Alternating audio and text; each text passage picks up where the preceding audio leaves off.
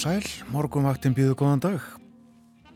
Það er þriðu dagur 20. og 4. janúar, klukkuna vanda nýju mínutur í sjö og hér sitja eins og þulurgatum Þórn Elisabeth og Björn Þór. Morgunvaktin stendur til nýju í dag. Við hugum að veðri, talsverð hlýra núna í morgunsárið heldur en í gerðmorgun og uh, verðt að geta þess að ég sá grænt gras í gardinu mínum í morgun. Það kom undan snjónum á förstu daginn svo snjóaði aftur um helgina en uh, grænt var það í morgun.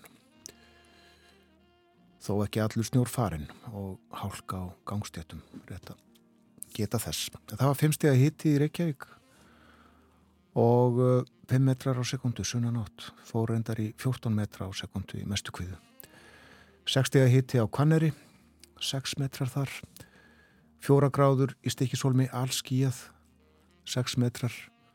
Fjórastega hitti á Patrísfyrði 7 metrar. 1 gráða í Bólungavík 4 metrar á sekundu þar austanátt, austanátt bæði í Bólungavík og á Patrísfyrði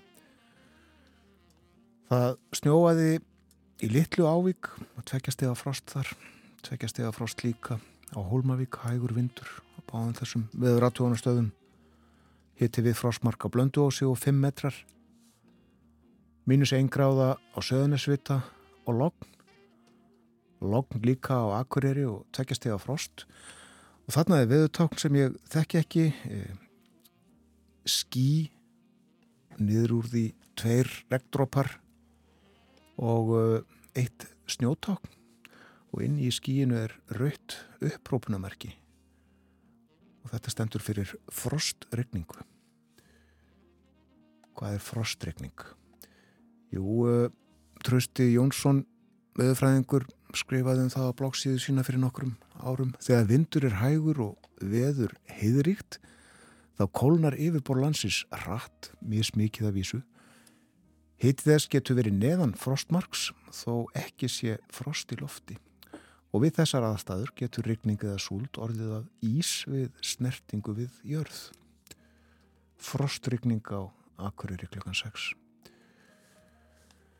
Einstegs hiti á Húsavík, einstegs hiti líka á Rauvarhöfn, hægur vindur, þarum slóðir, hiti við frostmark á Skeltingstöðum, tveggjastega frost á Egilstöðum, heiðskýrt þar, hægur vindur, tvær gráður á höfni Hortnafjörði og fjórar á Kvískerjum, þryggjastega hiti á Kirkjubæðaklaustri, sjösteg á Stórhauða í Vestmanægjum og fjórastega hiti í Árnesi, svona viðræði klukkan 6.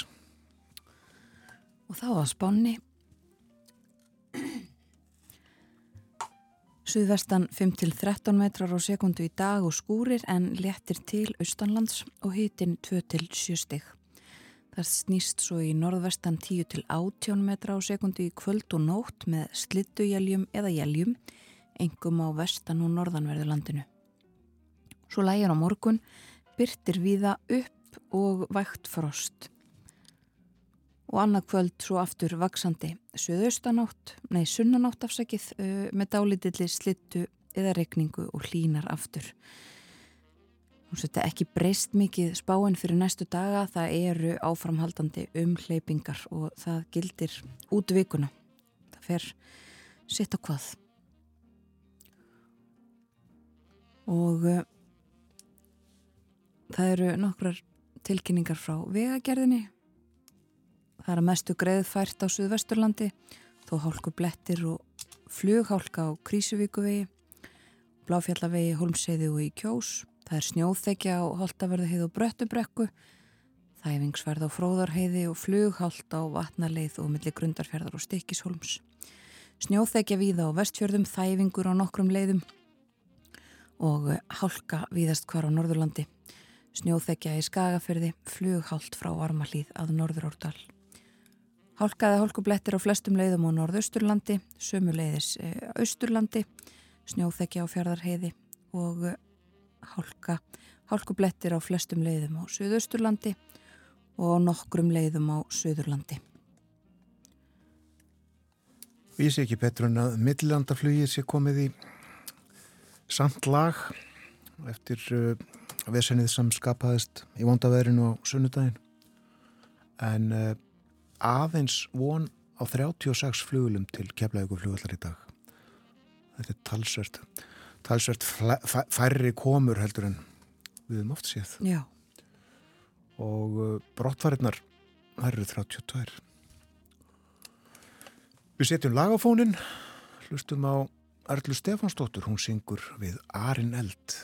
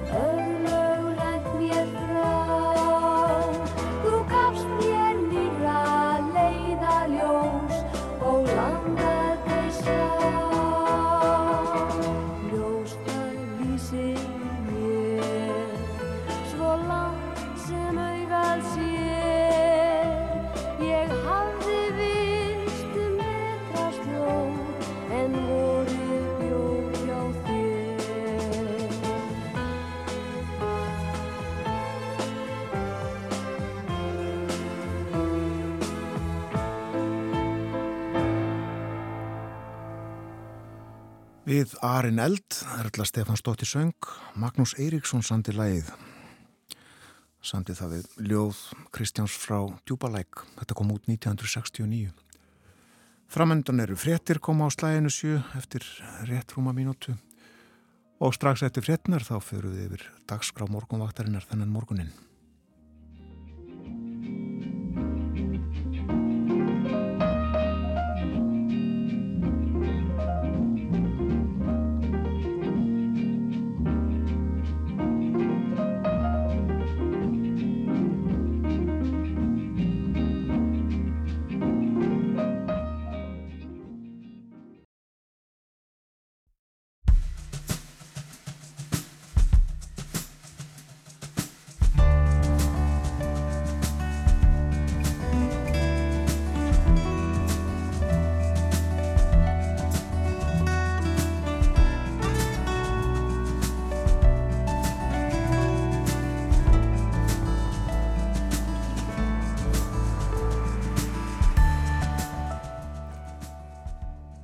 Komið sæl, morgunvaktin helsar og býður góðan dag.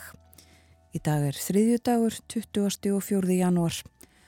Umsjón með þættinum hafa Björn Þór Sjóbjörnsson og Þórun Elisabeth Bóadóttir. Við ætlum að tala um gjaldmiðlun okkar í þættinum í dag, krónuna, blessaða. Hún hefur veikst fyrir þúsund íslenskar krónur, fást í dag sjö bandarískir dalir, en síðastliðið sumar í júni þá fengust næstum áttadalir fyrir þúsundkallin. Og fyrir tæpum fjórum árum þá fengust næstum nýju bandaríkjadalir fyrir þúsund íslenskar krónur. Krónan sveiplast upp og niður og hún hefur svo sem verið og það endar oft veikari enn í dag. Við ætlum að fjalla svolítið um þetta, reyna að greina ástæði þess að krónan er veik og hefur veikst. Þóruðsnar Júliusson, rittstjóri heimildarinnar, gerir það að hann verður hér upp úr hálf átta. Góð bók er þingdar sinnar virði í gulli.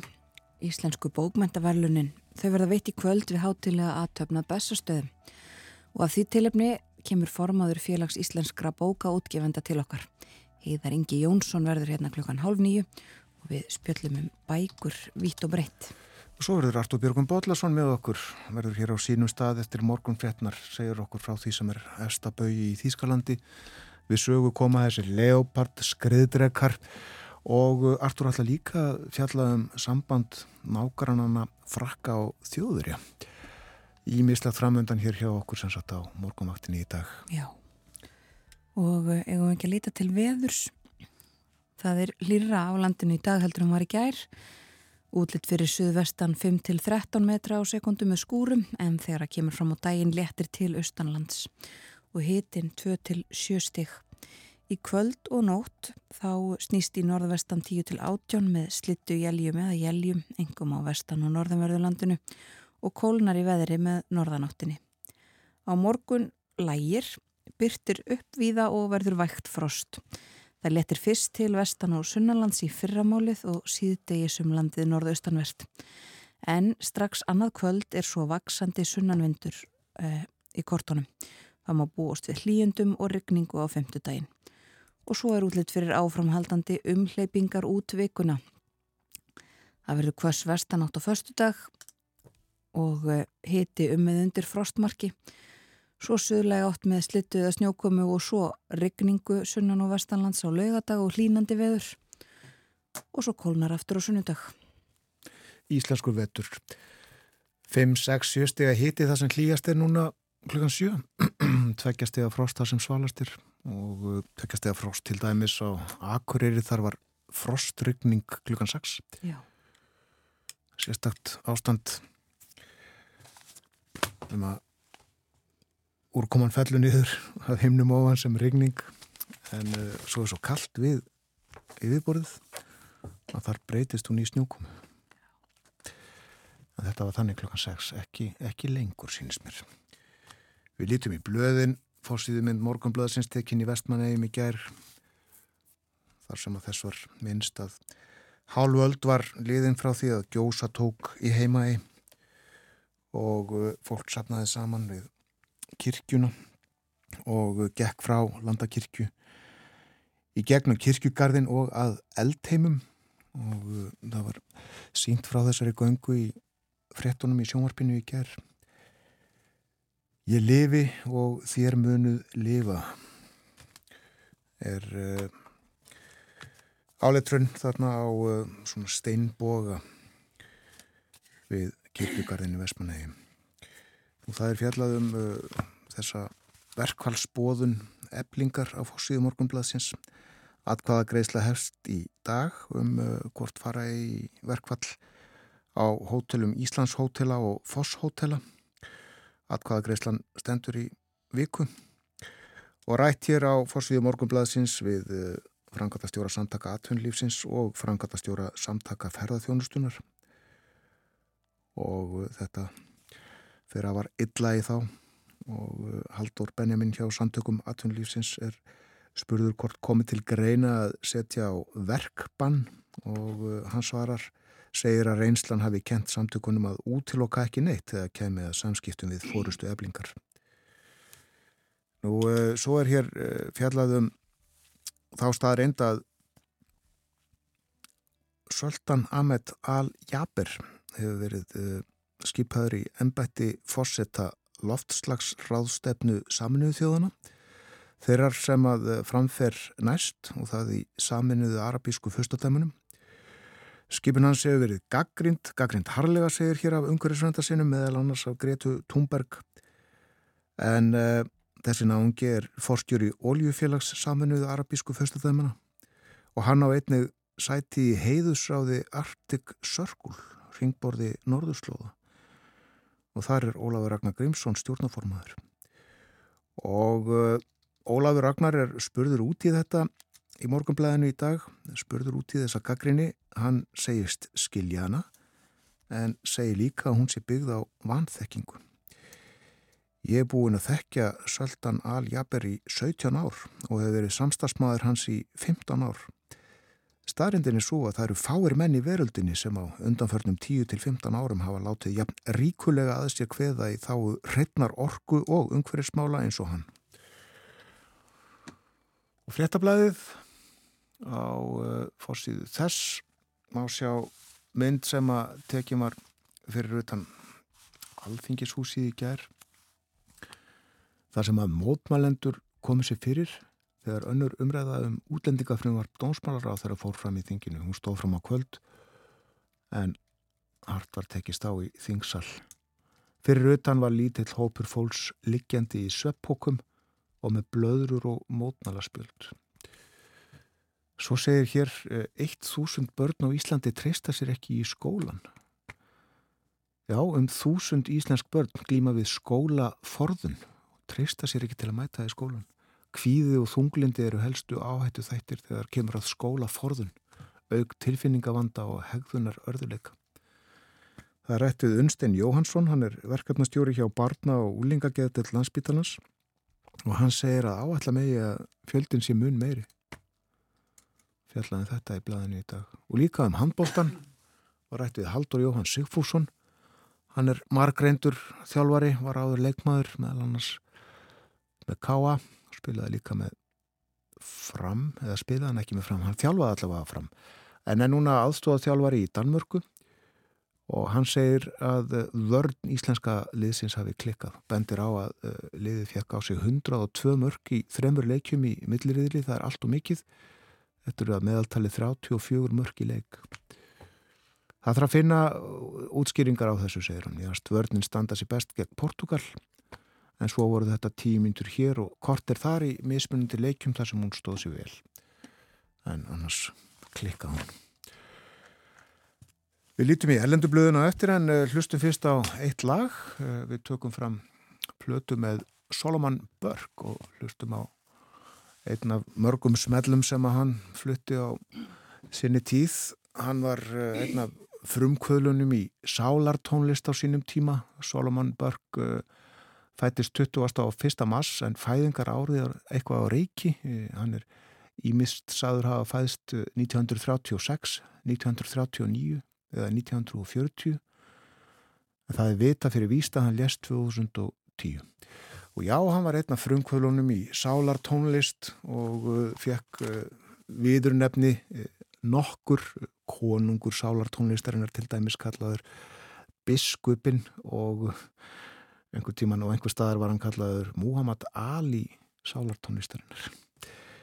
Hann var lengi að 50 ár rúm byrjaði ungur í tónlistinni hversu ungur fer eftir því hvernig við miðum við að hann hafi fæðst. En uh, Solomon Burke uh, syngur hér fyrir okkur uh, lag sem er býstna gæjalegt. None of us are free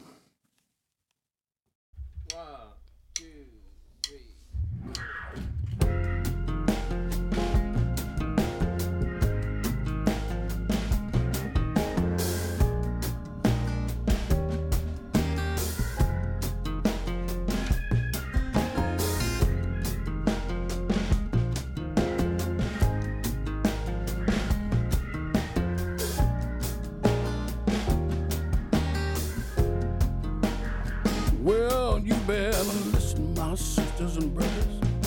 Cause if you do, you can hear there are voices still calling across the years. And they're all crying across the ocean. And they're crying across the land. And they will till we all come to understand. None of us are free. None of us are free. None of us are free. One of us are chained. None of us are free. And there are people still in darkness, and they just can't see the light. If you don't say it's wrong, then that says it's right. We got to try to feel for each other. Let our brothers know that we care.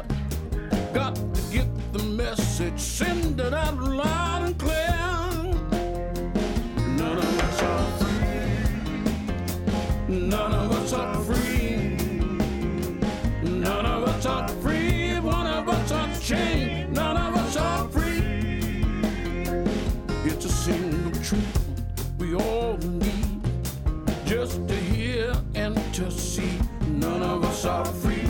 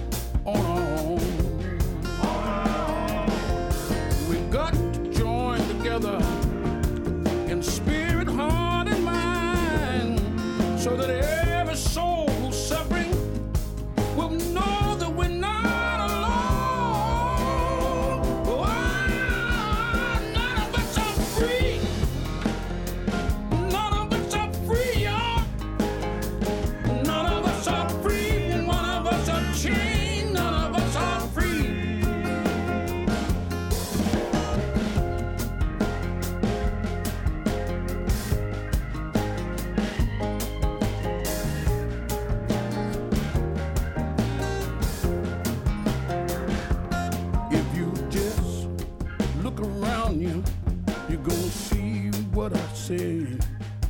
Cause the world is getting smaller each passing day. Passing day. Now it's time to start making changes. And it's time for us all to realize that the truth is shining bright right before our eyes. None of us are free. None of us are free. None of us are free. One of us is chained. None of us are free. Oh, none of us are free. None, none, none of us. None of us are free. Oh, not one of us. None of us are free. Well, one of us is chained. Well, none of us are free. Well, won't say again.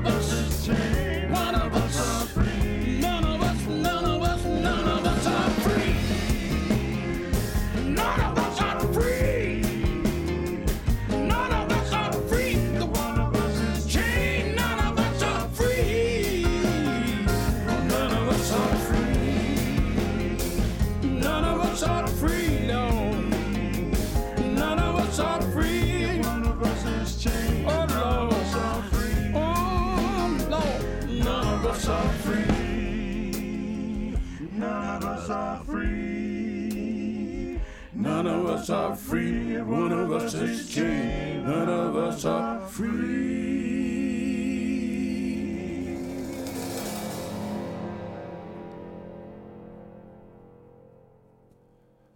Þetta var Solomon Burke að hlusta á morgunvaktin á Rás 1 Við ætlum að líta í Erlend dagblöð fyrst hér aðeins að hafrannsóknum en hafrannsóknastofnun saði frá því frétt í gær að eh, þá, í sé þá heldu fimm skip til mælinga á stærð lónustofsins skip hafrannsóknarstofnunar bæði Bjarni Sæmundsson og Árni Fridriksson og að auki heimaði frá Vestmanniðum og uh, hornafjaraskipin Jóna Eðvaldstóttir og Áskrimur Haldósson og það er hægt að sjá á vef Hafranssonastofnar hvar skipin eru stödd. Gaman að fylgjast með þeim og uh, við sjáum að uh, Áskrimur Haldósson og uh, Jóna Eðvalds eru svo að segja á sama stað. Gróft á litið. Úti fyrir austfjörðum. Heimaði er mjög næri landi í grend við höfni hórnafyrði er á siglingu frá heimahöfn í heimaði og Bjarni Sæmundsson er úti fyrir Hortströndum nokkuð næri landi, sínist mér en uh, Átni Freiriksson uh, úti fyrir Norðurlandi heila beint út af Grímsei og áhuga samir geta sem sagt farið inn á við Hafaransóknarstofnunar og fundi leiðin á þetta kort þar sem að sjáum á hvar skipin eru sem er að mæla loðnustofnin. Og þá skulum við líta í blöð utan úr heimi. Byrjum í Svíþjóð í dag. Svíjar og finnar, auðvitað eins og hlustundur þekkja, hafa óskæfti því að gerast meðlemið í Allandsafsbandalæginu og svo vinna hefur verið í gangi. Það hafa tvenn mótmæli undanfarið haft sitt að segja um það að samskipti Svíja og Tyrkja hafa farið verstandi og í gær þá sagði Erdogan Tyrklandsfórsiti loks svona formlega að Svíjar ættu ekki að gera ráð fyrir stuðningi uh, Tyrkja við ingungu í NATO. Uh, og þetta hefur komið í kjálfarð á, á þessum mótmælum meðal annars dansk sænskur stjórnmálamæður Rasmus Paludan sem að bremdi kóranin í mótmælum. Fyrir utan Tyrkneska sendiráði í Stokkólmi um helgina og þetta kom í kjölfarið á þeim mótmælum. Og svo nú í morgunsárið þá eru frettir af því frá Finnlandi rætt við auðaríkisráð þeirra Finnlands í finska ríkisúðarpunu Íle. Pekka Havistó segir að finnar gætu neyðist til þess að halda áfram með sína umsóknum aðildað Allandsafsbandalæginu án Svíþjóðar. Hinga til hefur verið talað um að þessi tvö ríki muni fylgjast að það þau myndi saman tvö stert hernaðabandalag og að þetta gerist saman og það eru tvær vikur síðan að Havistó sagði þetta síðast að það væri svo leiðis þessi tvö ríki myndu fylgjast að en nú segir hann sann sagt að það þurfi að endur með þetta stöðun að gæti farið svo að það þurfi einfallega að halda áfram án svíja ef að uh, mál svíja taka of langan tíma. Það er ekki komið að þessu augnabliki, segir hann, en uh, það þarf kannski endur með þetta stöðun á einhverjum tímapunkti. Og uh, hann gaggrindi líka þessa mótmælendur og þessi mótmæli um, og segir að fólk sem að mótmælir og, og með þessum hætti að það sé að stefna öryggi ríkjan að tvekja í hættu og þetta eru frettir núna síðan í morgun það eru þetta alltaf nægar frettir svo af málinu sem að sem að hefur valdið því að svíjar og finnar ákváðu að sækjum aðild þar að segja innrás rúsa í Úkrænu. Við ræðum nánarum aðra frétt sem þessu tengist hér á eftir þegar Artur Björgum Bodlason verði með okkur þá ætlum við að tala um þessa skreiðdrega og uh, þau málöldsumul uh, tregðu þýskra stjórnvalda til þess að, að senda skreiðdrega þrátt fyrir mikinn þrýsting annara ríkja. Um og við heyrðum þetta af þessu máli í frettunum hér áðan og meirum það á eftir. En á fórsíðun og aftenpóstin í Nóri er líka fjallað um uh, þessa stöðu bæði um þennan uh, uh, Vagnerliða sem að leitaði hælis í Nóri og hefur nú verið handtekinn eins og líka hefur heyrst af í frettum en líka og aðalfrettin og fórsíðu aftenpóstin er af stöðumála í Rúslandi Það segir að það sé vaksandi stríðsþreita, það sé óanæja með lægri laun og hækkandi verð í Rúslandi og nú sé unnið að því hörðum höndum í Kreml að auka vinsældir Pútins vegna þess að það er að vera fórsetakostningar í Rúslandi á næsta ári. Aðeins til Danmerkur, það er fjallað um dönsk stjórnmól í uh, blöðunum þar. Á fórsíðun og informasjónir fjallaðum uh, áttak sem átti að gera í, í grætni orku. Um, það voru teknar til hliðar 28 miljónir danskra króna til þess að uh, koma á stað einhverjum nýjum verskefnum í grætni orku auka hraðan á vindmilubyggingum og sólarsælum. En uh, aldrei staðið við lofórið segir hér í fórsíðu fyrir sörmunni þar og uh, nú sé þetta verkefni í hættu aftur á móti eh, önnur stjórnmálafórsíðun á politíkan í dag.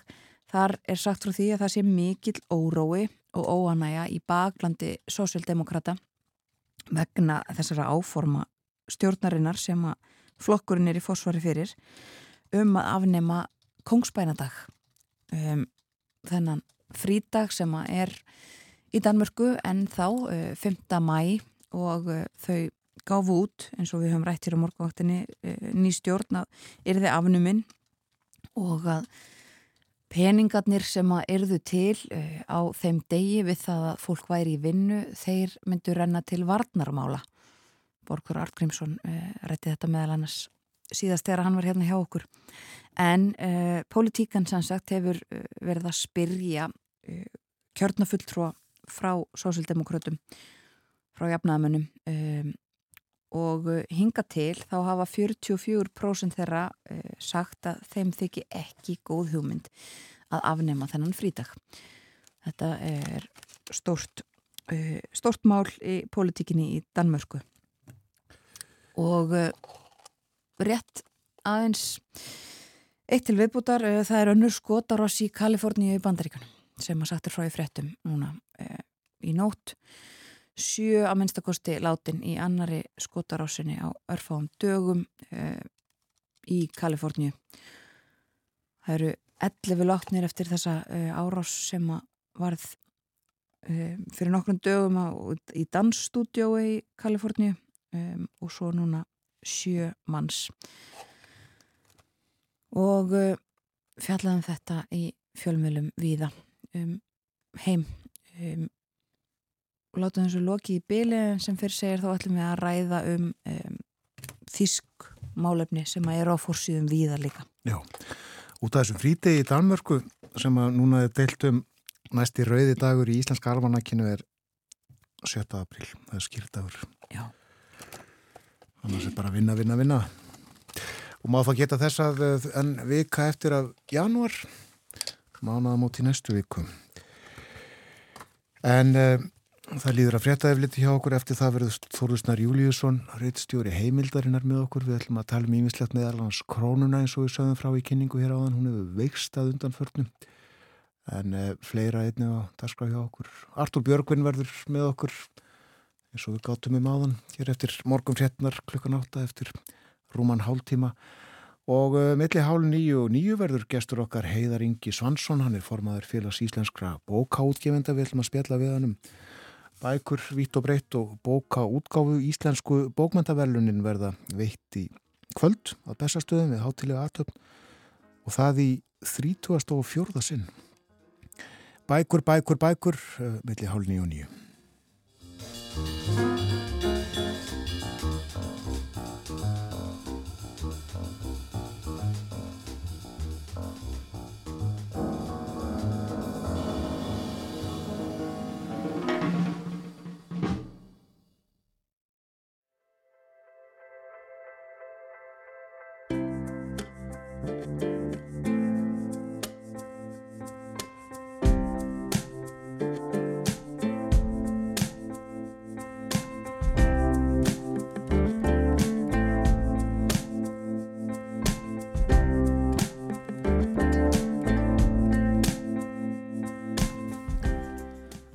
Á nýtt er það að hlusta á morgunvaktina rás 1 klukkan réttliðilega hálf 8 þriðu dagur í dag 20. og 4. janúar og við förum yfir veðurhorfur dagsins fyrir fólk sem var að vakna. Já, í dag uh, verða suðvestan 5 til 13 metrar á sekundum með skúrum en það léttir til austanlands þegar líður á daginn og hitin 2 til 7 stygg. Í kvöld og í nótt snýst svo í norðvestan 10 til 18 metra á sekundu með slittu jæljum eða jæljum, engum á vestan og norðanverðu landinu. Það lægir svo á morgun, byrtir upp og stittur upp víða og vægt frost. Vaksandi sunnanást átt svo vestan til annað kvöld með slittu eða regningu og hlínar aftur og eh, svo er útlitt fyrir áframhaldandi umleipinga út vikuna. Kólnar og hlínar uh, til skiptis og töluverð úrkoma í kortunum við. Já.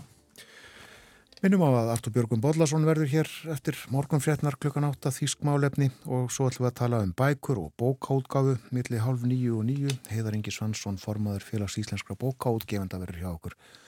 Tiletnið Íslensku bókmentaverlunin verða veitt í kvöld í fjórum flokkum í fyrsta sinn. En nú er sestur hjá okkur Þórðusnar Júliusson, rittstjóri heimildarinnar. Góðan dag, velkomin. Takk fyrir.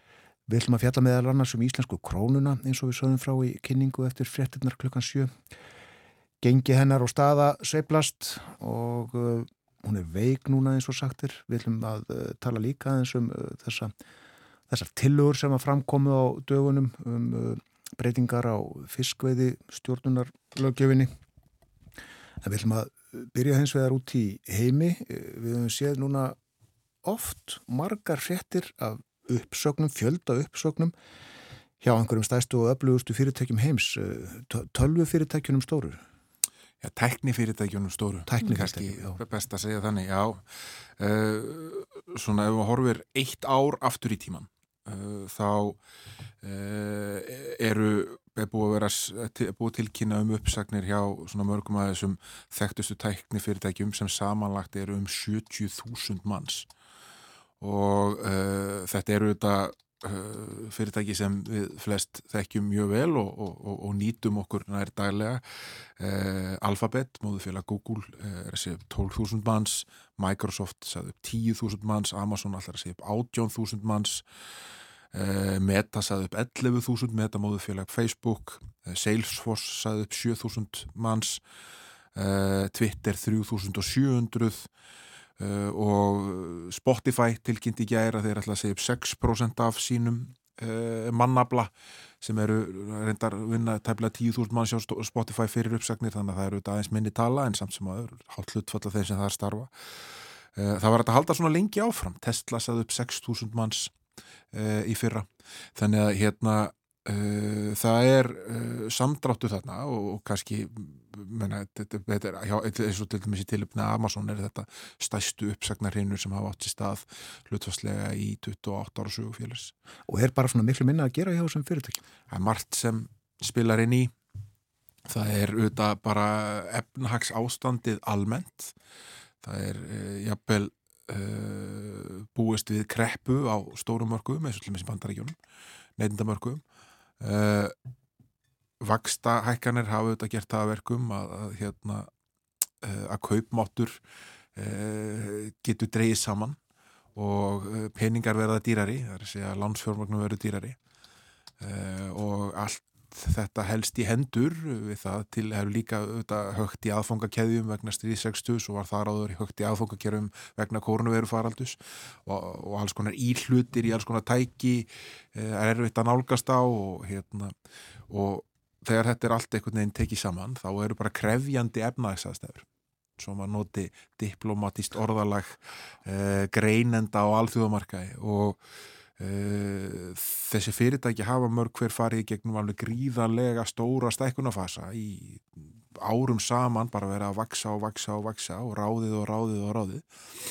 Og það er bara lögmálið að það sem fyrir upp það og endanum fer að mista eitthvað aðeins niður. Já, og það við um krónar sem við ætlum að tala um hér eftir smá stund en sko það má geta þess að hjá Microsoft vinna á bylunu 100-200 manns held ég, þetta er um það byrj íslensku vinnumarkaður og allir Marel sé ekki það fyrirtæki sem að flestir starfsmenn uh, vinna hjá það íslenska fyrirtæki sem sagt, ég held að það er vinni um 7.000 manns en sagt, bara 10.000 manns sagt upp í síðustu viku hjá Microsoft. Já, eða kannski ekki Reykjavíkuborg um að hóra Reykjavíkuborg sem fyrirtæki svona þjónustu fyrirtæki, það er vinna auðvitað gríðarlega margir sem geti sennilega verið stærsta fyrirtæki í Íslandi. Uh, en hérna það er rétt, þetta er auðvitað ég kom í hugustöðar uh, Microsoft Uh, þetta er eitthvað sem er mjög fjarlægt okkar veruleika að starra gráð. Já, þá að krónunni. Ég nefndi það hér áðan að uh, fyrir íslenskan þúsumkall uh, fást í dag sjö bandarækjatalir fengum áttadali fyrir þúsund kallin síðasta sumar og fyrir ekkert mjög mörgum árum, örfáum árum þá fengum við nýju bandarækjadali fyrir íslenskan þúsund kall hvers vegna er krónan svona veikidag?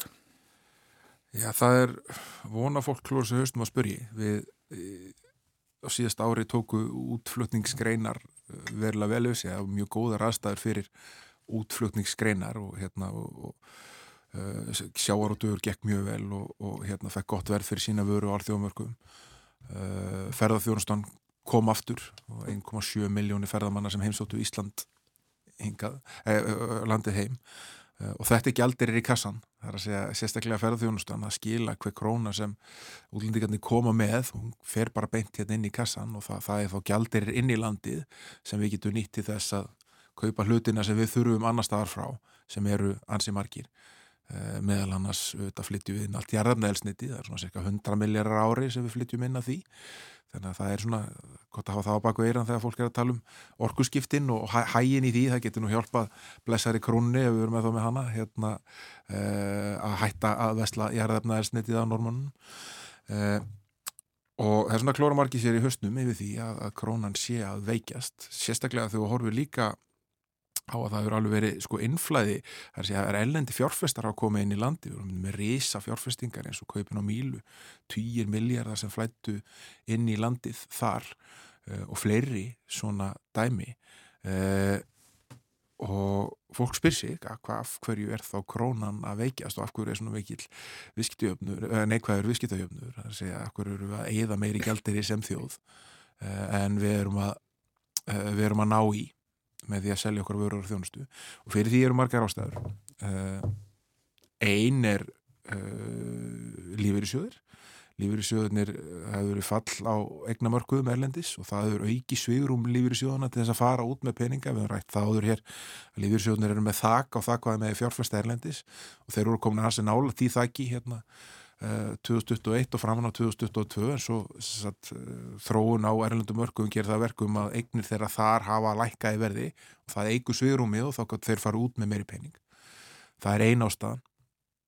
Uh, önnur er þessi svona sem selabankastjóri drefur oft upp sem einfalda mynd, það er að segja tásumyndarnar á tenni og það er að segja þörf íslettinga til þess að fara uh, erlendis og eigða peningunum þar og, og við sáum það nú bara í, hérna, í nýlegum tölum frá um, um kortanótkun uh, íslettinga innanlands og Hérna, og, og útlendinga íslendinga erlendis og útlendinga hér uh, frá hérna rannsóndasetri vestlurna að veldan á innlendum kortum íslendinga erlendis, hún var herri en veldan á erlendum kortum hér, hérlendis Já. á síðast ári. Það þýðir bara á mannamáli að við sem fórum uh, til tenni, ja, ég reynda fór ekki til tenni, en þeir sem fóru til tenni og, og við hinn sem fórum til allra hinn að landana, mm. eittum meira þar á kortunum okkar en þessi 1,7 miljónir útlendinga ströyjað á kortunum sínum hér einanlands. Og það eitt og sér er vond fyrir krónuna? Já, það, þetta er bara jafnvægibjörn. Það er hérna, ef, ef við erum að eigða, erum við að skipta fleiri krónum í ælanda gjalderi en við erum að fá eh, krónur, þess að fá ælanda gjalderi sem við síðan hérna, getum breytti krónur, þá hérna hefur það neikvæð áhrif á gengi krónar. Það eru fleiri ástæður fyrir þessu. Eh, það hefur rættu um það mikið á undarfunni vikum að, að, bankanir hafi verið að hamstra gjaldir og sérstaklega landsbankin og, og, og bankastjóri landsbókar sem hefur komið fram og sagt að hún, það, þau sé að gera það, kaupa gældir á markaði til þess að geta þjónustu sína viðskiptavinni eh, en það likur líka alveg fyrir að, að landsbókin er með stóran gældaga á Erlundur lána mjög góðum kjörum 30. mæ á, á, á þessu ári 300 miljónu efra, þetta er svona 43 miljardar króna sem bankin þarf að borga uh, og eða endur fjármagnir sig á allt, allt öðrum kjörum. Þetta er, þetta er fastir 1% vextir á þeim lánu sem eru með núna og, og það eru ekki vextir sem eru í bóði í dag á alþjóðlegu mörgum fyrir Ísleika banka. Mm. Þannig að e, þetta er, bankinu er sagt að hann sé með marga kuna sem þurfi á að halda og hann sé einfallega að, ná sér í gjaldir til þess að geta þjónust og þá um þann gjaldir segið þurfa. E, þannig að það er eitthvað sem hérna er ekki alveg að ganga upp hjá okkur núna því að sko hægkerfið er á blúsandi siglingu og vanda fólk til þess að vinna hérna og, og, og, og svona uh, talað um það hérna, hér sé bara öll hjól alveg á fullu en samt uh, veikist gjaldmiðlinn og afleggingarnar af því eru er að stór úrföldisfyrirtæki þau auðvitað græða á þessu það er að þeir sem eru tekið sínir elnöndum myndum og borga fólki laun í íslenskum krónum. Þetta er hagkvæmt fyrir þá þegar þeir ætla að fara að skipta gældirinn sínum yfir í krónur ef þeir eru þá að gera það. Maður getur náttúrulega trúa því að margir séu bara einfallega að geima ávinningin í gældiri en það er ekki skilaskilda hér. Uh, eins og var þegar voru höft. En þetta er auðvitað ekki gott fyrir þá sem búa í krónu veruleikanum og þurfa að kaupa í matinn og þurfa að, að vesla uh, hitt og þetta. Uh, svo ég tala ekki um svona kannski umfram það, hérna, ferðalög og allt stíkt verður auðvitað miklu dýrara. Uh, en þetta er staðan og, krónan vektist heilt yfir yfir 2% í fyrra og hún er aldrei áfram að veikjast til að skarta sem hafur þessu ári. Og getur við eitthvað spáð í framhaldið? Mun þetta halda áfram? Er verið að reyna að grípa eitthvað inn í? Sælabákinu þetta hefur uh, þau tól að grípa inn í og það voru tæmlega 850 miljardar í gældirisfara fóra í lok síðast ás og hann hefur gripið inn í til þess að reyna að halda krónu í jafnvægi eða bara halda henni í jafnvægi þar að segja að þetta er komað veg fyrir skarpar dýfur og, og miklar hækkanir þegar það eru kannski miklir tilflutningar á gældiri inn og út úr hækirinu uh, en Sælabankastjóri hefur líka algjörlega sagt það mjög skýrt að, hérna, að uh, það verður ekki greitt fyrir uh, tenneferðirnar og gældirisforðanum eins og hann orða, hann er mjög upptekinn að setja allt í samfengi við tenne, þetta er svona nýju flatskjáðinir uh, og uh, í því félagstöð skila bóð að hérna að svona eðslan en engan eðslan sé, hérna, sé það vandamál sem þeir horfa til að það sé hægt að draga úr með einhverjum hætti uh, til þess að reyna að laga þennan uh, visktiöfnuð en ég sé ekki svona, það er ekki sínilegt í nánustu framtíð að hann sé að fara að lagast þetta búið að það við fáum bara sex bandarækjadali fyrir þúsunkallin eftir Ég ætla ekki að spá því hvar hérna korona gerur. Og hún hefur auðvitað sínt það ekki enn tíðan að hún getur verið ólíkindatól. Og hérna og svo auðvitað getur það verið að, að aðstæður annar staðar uh, geta haft áhrif uh, þar að segja mikla veikingar á öðrum gjaldmjölum geta auðvitað jákvæð áhrif á, á, á hérna á gengi íslensku krónagakvart þeim gjaldmjölum. Uh, ég ætla ekki að spá því hvað þetta endar en er þetta rússibana reið sem við erum venjulega í hér í íslensku efnaðaskerfi og við erum með bundi fyrir augun og er ekki bara ágætt að hafa það þannig.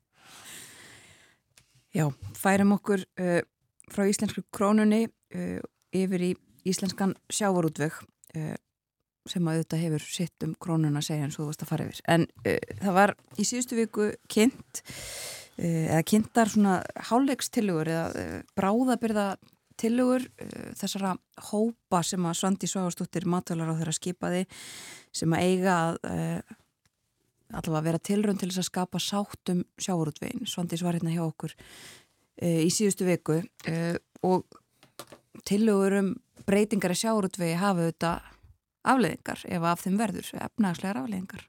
Já, þetta er auðvitað sko, gríðarlegt plagg, kannski eðlilega, þetta er í 50 mann sem koma að þessari vinnu hérna, það er samráðsnefnd og undir henni eru svo fjóri starfsópar og, og sérstök verkefnastjórn, þetta er alveg feikilegu fjöldi af fólki sem er að, að vinna að þessum e, sáttartillögum sem eiga síðan að liggja fyrir í mæ ef ég skil rétt e, endarlega og þarna vera svona sín ykkur að bráðabera nefustur og Uh, við erum ekki með tíma til þess að fara yfir þetta allt saman en það helgar hann að plagg uh, en uh, svona það skref sem kannski er umdeilanlegast það er tilugur sem koma fram í, í skrefi þrjú sem ber yfirskriftina sangjur dreifing sem meðal hans fjallan gjaldtöku fyrir nýtingu á fiskvið öllindinni gegsa í, í egnaraldi og stjórnuna tengstu sjárótsfyrirtækja samþjöpun og kortlagning á svona öðrum egnum þeirra sem eiga í sjárótvei og uh, svona í stuttumáli kemur það er ekkit nýtt þarna það er ekki, ekki verið að bóða einhverja nýja leið sem hefur ekki verið þetta er allt uh, hugmyndir eða tilugur sem hafa verið í umræðinni jafnvel komið fram uh, til dæmis varðandi gjaldtökuna. Eru, eru svona veld upp tveimur hugmyndum. Önnur er bara herri veiðigjöld með aðeins breytir útfæslu það er að segja að þið ofnbæra tæki herri rentu fyrir það að heimila Eh, þeim sem fá að halda á kótanum fyrir það veðan uh, og hinn er fyrning aflaheimilda sem þetta er ekki svo mörg ár síðan var Uh, sko, var lagt fram eða svona druga frumvarpi um fyrningu aflaheimilda, en uh, nú er þetta innviðar á þeirra Sigur Ingi Jónsson þegar hann var sjávarútsráðara lagði slí, slík drög fram og, og þá náðu þau það var 2014 og þau náðu ekki að fram að ganga í þeirri ríkistjórnar andstuð innan þeirra ríkistjórnar sem satt þá.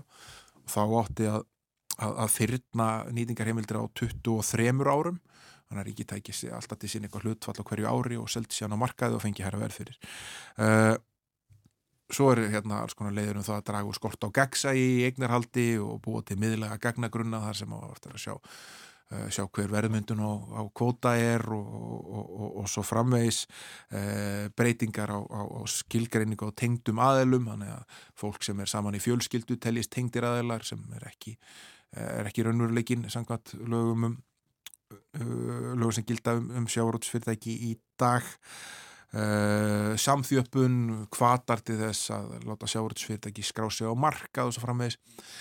Málið er að, að þetta er Uh, eins og ég saði á þetta eru allt tilugur sem hafa komið fram áður og hafa verið margrættar í deiklunni og margt að þessu er þegar einhvern veginn komið til framkvæmda fyrirtækinni í sjáratögi eru farin að skrá sig á markað í miklu meira mæli uh, og núna bara á mjög skumum tíma eru við breymi búin að vera á markað í tölunum tíma, við erum að sjá síldavisluna komin á markað uh, við erum að sjá Ísfélagi og Ramma fara á markað Uh, og það sem er eftir uh, og uh, er sennilega ofseint að grýpa einhvern veginn inn í það er þessi tilfæsla á, á verðmætum á milli kynsluða það er að segja kynsluðuna sem fengi útlutaða kótan með að kifta hann fyrir virði sem er síðan búið að markfaldast er búið að færa hann til þeirra sem næstir koma án þess að, að, að þau ofnbæra sem eitthvað skonar yngripp þar, eitthvað skonar skattlagningu eða slíkt þannig að hérna Þetta er svona, þetta eru er, er, er rosalega margar glærur og miklar umbúðir um uh, hugmyndi sem hafa verið í deiklunni mjög langa tíma.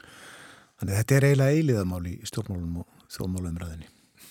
Já, eða bara ákvörðum sem þarf að taka í hvora áttina sem er. Uh, í staðin fyrir að, að vera alltaf einhvern veginn með þetta dagskrá og, og, og ekki breyta neinu. Eða taka ákvörðun um það, endalega ákvörðun um það að breyta ekki neinu. Og hér í blálokkin uh, fyrirtækið Alvotek. Það er nokkuð sérstakt, er í livið þróun og framleiðslu og uh, er risast úr til það ekki. Margi starfsmenn mikið undir mikil vermaðið þarna. Það eru verðmætasta fyrirtæki í kaupöllinni eftir rosalegar hækkanir í desember eftir að fluttu sig yfir á aðalmarkað af First North markaðinum eru verðmætara en uh, Marell og, og það vakti þetta miklu aðtiklega sem miklu hækkanir komum marga tilkynningar um það að alveg eitthvað er að fara að setja framleiða samhitta liv eða líftekni liv sem eru hérna, uh, svona enga livin eru úturinn á og þeir fara alltaf að fara að berjast um þá markaði hérna að koma inn á þá markað uh, markaði hérna uh, og hérna til dæla svona litlu viðskiptum á voru að hækka mjög mikið í desember Eh, við hverja tilkynningu um að nýtt líf væri í einhvers konar þróun og geti mögulega að fara inn á marka uh, og það sem er kannski margir klóris í höstnum er það að Alvotek er bara að tapa penningum þeir eru ekki að, að græða neitt töpu 28 miljóðum á fyrstu nýju mánuðum síðasta á SA uh, en uh, Robert Westman fórstjóri, stjórnárformaður og helsti eigandi þessa fyrirtæki sæði í í, í í, sjómasviðtali í desember að, fyrirtæki reikni með því að skila hagnaði og setni hluta þess ás og undanfötnu hafið þeir verið að segja sér fjármagn, eða sóttu sér fjármagn skuldabrótbúði uh, eh, og svo núna um, um helgina í lokuðu hlutafjárútbúði uh, eh, þá voru þeir að segja sér peninga hérna á innlenda markaði og, og fengu tefnilega 20 miljardar, 19,5 miljardar frá einhverjum íslenskum fjárfæstum sem kemur í ljós 10. februar hverjir eru en, en þegar eru flutta fréttar af því að þriðungur er að séu íslenski lífyrsjóður sem eru þó að taka þátt í þessu veðmáli sem gæti ef allt gengur vel skilað miklum ágóða ja. en þetta er aftur líka þannig að hérna, það er ekkit í hendi uh, og ef að illa fer þá getur þetta farið á hinvegin Þannig að plönin líta vel út Já, áallan er allan að gera ráð fyrir því að, að, að þetta gæti farið vel en það er uh, mikil meningamönur á melli uh, greiningaræðala og, hérna, og, og fólk sem starfar í, í fjármála kerfinu um það hvort að þetta sé skynsælega fjárfæstinga ekki. Sumum, sumum sá mikil tækifæri í þessu og aðrir telli þetta sér ofa á hættu samt uh, og kannski sérstaklega fyrir uh, ráðsetta fagfjárfæsta eins og, og söðu en þetta er að mistakosti ef að þetta gengur allt saman upp þá út af því við vorum að tala um krónuna hérna á þann, þá getur þetta nú skila tölvunni gældir inn í landi, vegna þess að höfustöður alveg eru hér á Íslandi. Já. Höfustöðunar já, í glæsi hís í Vasmirinni. Já, þar sem eru þetta framleysla líka á lífum. Við fylgjum með þessu. Já, þeir ætlaði að skila hagnaði uh, setni hluta þessa ásæru. Við fylgjum með því. Þakkaði fyrir í dag, Þórusnær Júliusson. Rættum hér um krónuna og uh, hugmyndir eða tilögur að breytingum á fiskviðstjórnuna okkar töluðum svolítið um þessar fjölda uppsagnir hjá uh, öllum helstu tæknifyrirtækjum heims. Þar verða að segja upp 7, 10 og 12.000 manns í einu uh, hjá fyrirtækjum sem hjá vinna kannski 100-200.000 manns eitthvað svoleiðis og alvotek hér til umfjötunar í blálokkin. Það lýra fréttum hjá okkur, uh, fáum þær á slæðinu 8, allt með höfbundum hætti eftir rúmar 6 mínútur. Getum þess samt að uh, á þingfundi í dag uh, eru á dagskrá ímismál uh, haldið áfram að fjalla um frumvarp dómsmálar á þeirra til breytinga og útlendingalögum. Allur gerð árin fór í þá umræðu og það verður líka sérstök umræða um niðurstöður síðustu lofslagsráðstöfnu saminuðu þjóðana málsæfjandi þar Þórun Sveinbjarnandóttir En uh, getum þess líka uh, allseirar og mentamálanemnd heldur í dag opinfund, hann hefst hálf nýju. Já, opinfundur um heimild lögröklu til að bera rafvarnarvopn og rafvarnarvopn er þetta nýjirði yfir það sem við þekkjum sem rafbissur. Um, þetta verður klokkan hálf nýju og uh, opinfundur og hann verður líka í beitnu útsendingu á vefnum við hef alþingis sem sagt. Gekki gildi þessi nýja reglugjær sem að Dómsmálráður hann setti. Já, í gær er það ekki? Í gær held ég og uh, þetta er þannig að uh, það þarf að byrta reglugjærður í stjórnartíðundum og uh, það gerðist sumsi í gær. Ég held, uh, nú er betra að tala valega, ég held að uh, lögreglu þjóna beri þó ekki svona vopn eða eða hvað þetta kalla varnabúnaður uh, frá með deginum í dag þá eftir að kaupa þetta og það þarf að efna til útbóðs held ég. Og Jón Gunnarsson, dómsmálar á þeirra meðal gesta á þessum fundi, eh, líka fulltrúar frá ennbætti ríkislauruglustjóra. Og þetta er sérsagt í dag, það verður líka fundaði framtíðarnemnd í dag. Já. Við höfum fylst með því, getum kannski sagt frá því á morgun þá nefnilega eh, ræða formáns og varaformáns skipti í framtíðarnemnd. Alltaf Björgum Bóllarsson verður með okkur eftir fréttinnar klukkan 8 að tala frá Berlín í Þýskalandi. Og uh, svo er það bækurnar bóka útgáan fjöldum um hanna milli hálf nýju og nýju með formanni félags bóka útgifanda Heiðar Inga Svansinni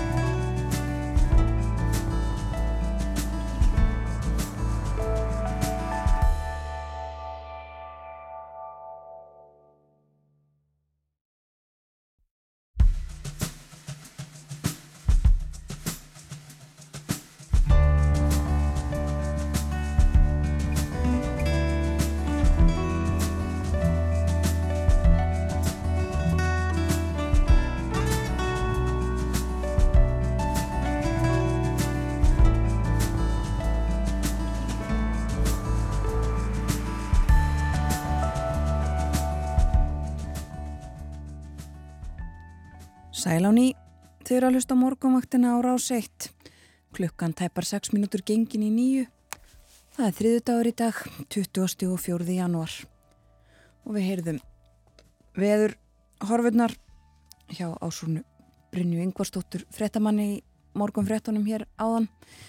Umleipingar er orðið yfir veðri næstu daga. fram og tilbaka hitti og frost regning og slitta eða snjókoma. Svona er þetta í januar hjá okkur áðan var Þorðusnar Júliusson Ritstjóri heimildarinnar. Við töluðum um ýmislegt meðal annars um íslensku krónuna. Og svo töluðum við um Alvotek í Lóksbjálsins þetta fyrirtæki sem er með glæsilegar höfustöðvar í Vasmýrinni og uh, greinendur og markaði ekki á einu málu um það uh, hvernig áform áform þeirra uh, eru eða munu mátast við raumuruleikan en nú ætlum við að fara til Þískalands, þar er Artur Björgun Bóllarsson, góðan dag Artur Björgun Góðan daginn. Við hefum sagt frá þessu aðeins í, í morgun og, og hýrt af þessu fréttir eh, og svo sem rætt þetta áður þetta stóra mál sem að nú eh, er rætt ekki bara í þýskum fjölmjölum heldur út um alla Evrópu og, og víðar eh, og það eru þessa, þessir þýsku skriðdrekar og það hvort eigi eða eigi ekki að senda þá til Úkrænu.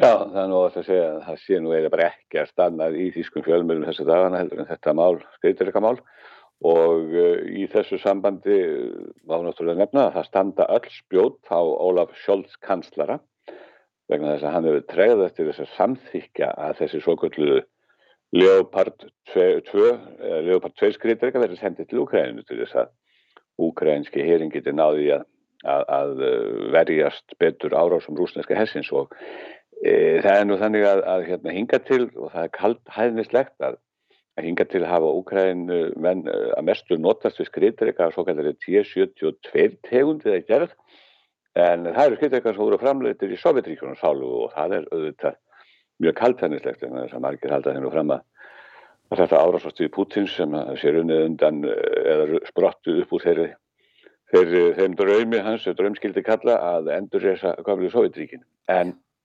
Þetta er Leopard 2 skriðdrekar sem eru nú í fréttum viða um heim.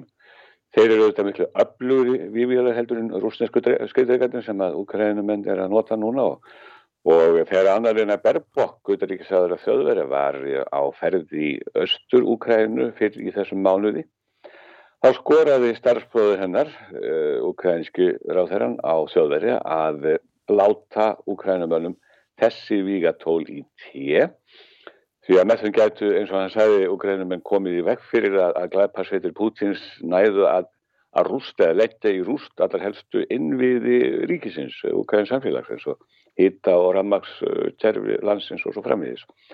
Og uh, hann uh, bætti því við að ef Vesturlund held að áfram að draga lappindar í þessu máli, að þá þýtti það að, að Ukrænumenn eru fyrir sífælt meira manntjóni og, og staðrendir er svo að og þá má ekki gleyma því og verður að hafa í huga að Úkrænu hér er algjörlega háður vopnasendingu frá Vesturlöndum það veldur alltaf því að, að, að þeir geti fengið vopn uh, hérna á vesturinu og, og þjóðverður hafa til dæmis lofaði að, að senda 40 svo kallega marder skriðdreikar til landsins núna í mars.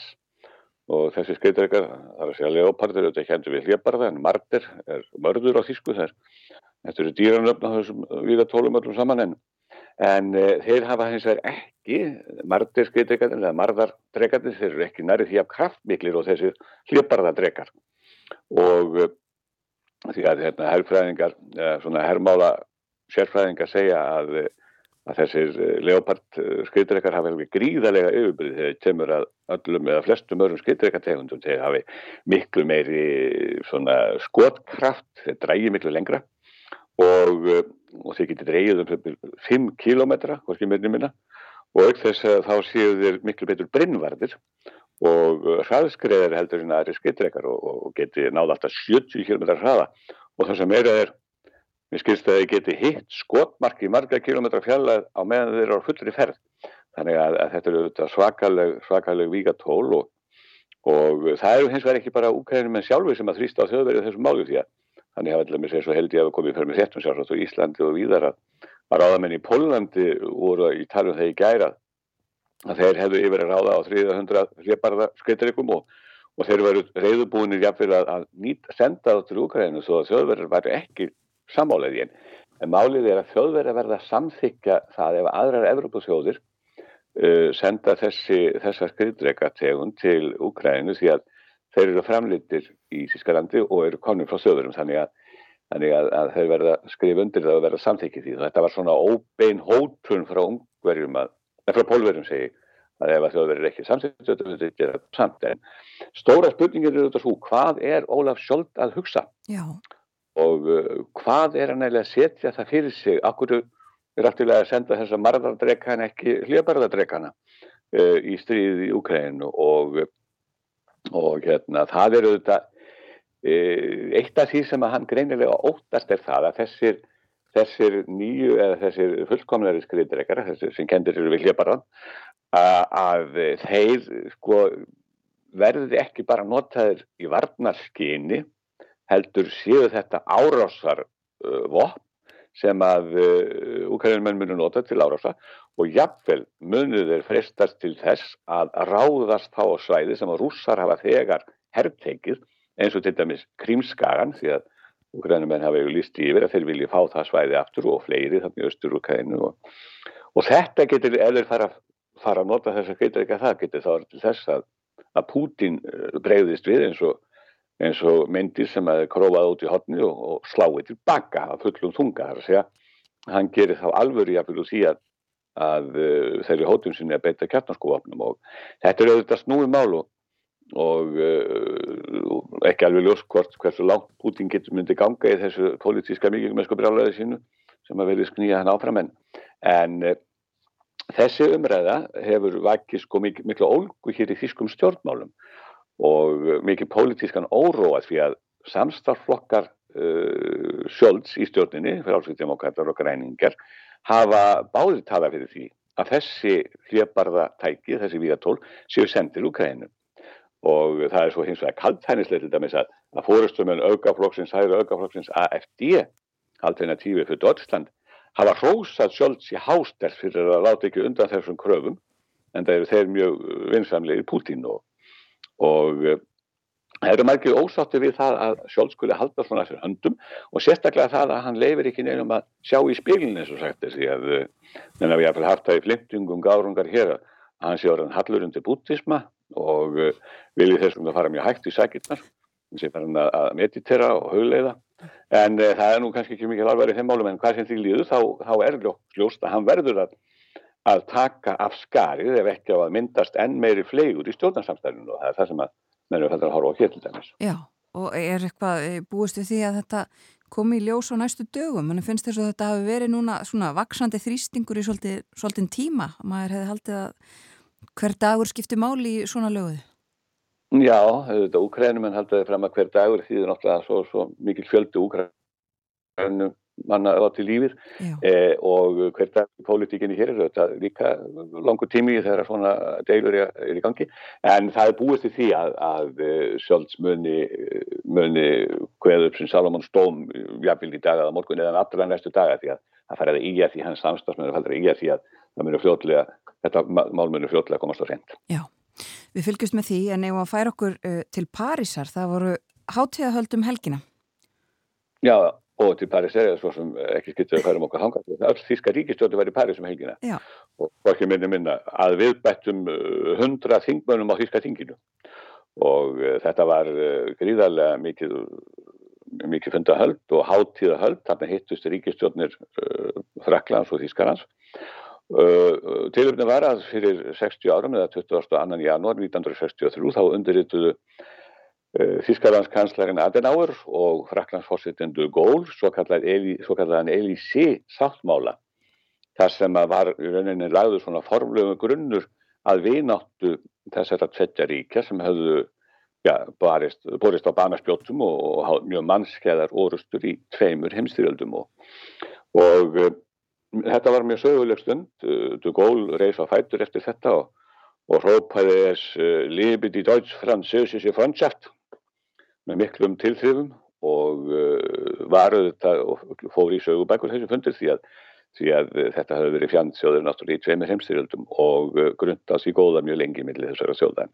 En þetta var sem sagt hverðið á um nýja tíma og, og það var til dæmis tekið fram í LSI sáttmálanum að, að þetta koma að hóta reglur um samskiptum millir ungra frakka og ungra þjóðverja til þess að æsku líður begja landa myndi geta tengst sterkum vináttuböndum og sömuleiðis var hverðið áðan það í þessum sáttmála að leiðtóa ríkjana tveggja myndi hittast ekki sjálfnar en tvist vara ári. Og eh, fyrir 20 árum var hann svo endurbættur sáttmálun og því bætt við að ríkistjóðan begja landana myndi funda reglulega og hittast reglulega. Og það var til dæmis núna hátíðafundur sem að haldið var í París og, og Það auðvitað, hefur tekist á þessum 60 árum að, að nýta nokkuð tröst við náttúrband á milli þessar að tvetta fornu erki fjenda þó að auðvitað hafi gengið á ímsu í sambandinu og frá því að þetta gól hrópaði þessi flegu orð á sínum tíma og uh, kannski það er kannski alveg mála bara út í það en sambandið á milli sjóðarleituhana uh, hefur ekki alltaf verið jafn náið, það hefur misjaflega náið alltaf gott en uh, það var myndast misjaflega náið tengslamilli og það er til dæmis svo við tökum Scholz og Macron og þá er ljóst af öllum svona því sem maður sér í fjölmiðlum og, og talað um hérna í Þískalandi að, að þeir eru svo sem ekkert mjög nálega en það er líka pólitískur ágrinningu sem hefur komið upp á setni tímum sem að hefur verið svolítið erfiður og nú það er til dæmis líka bæði Evrópumálinn, það er ekki alveg á sömu línu alltaf og,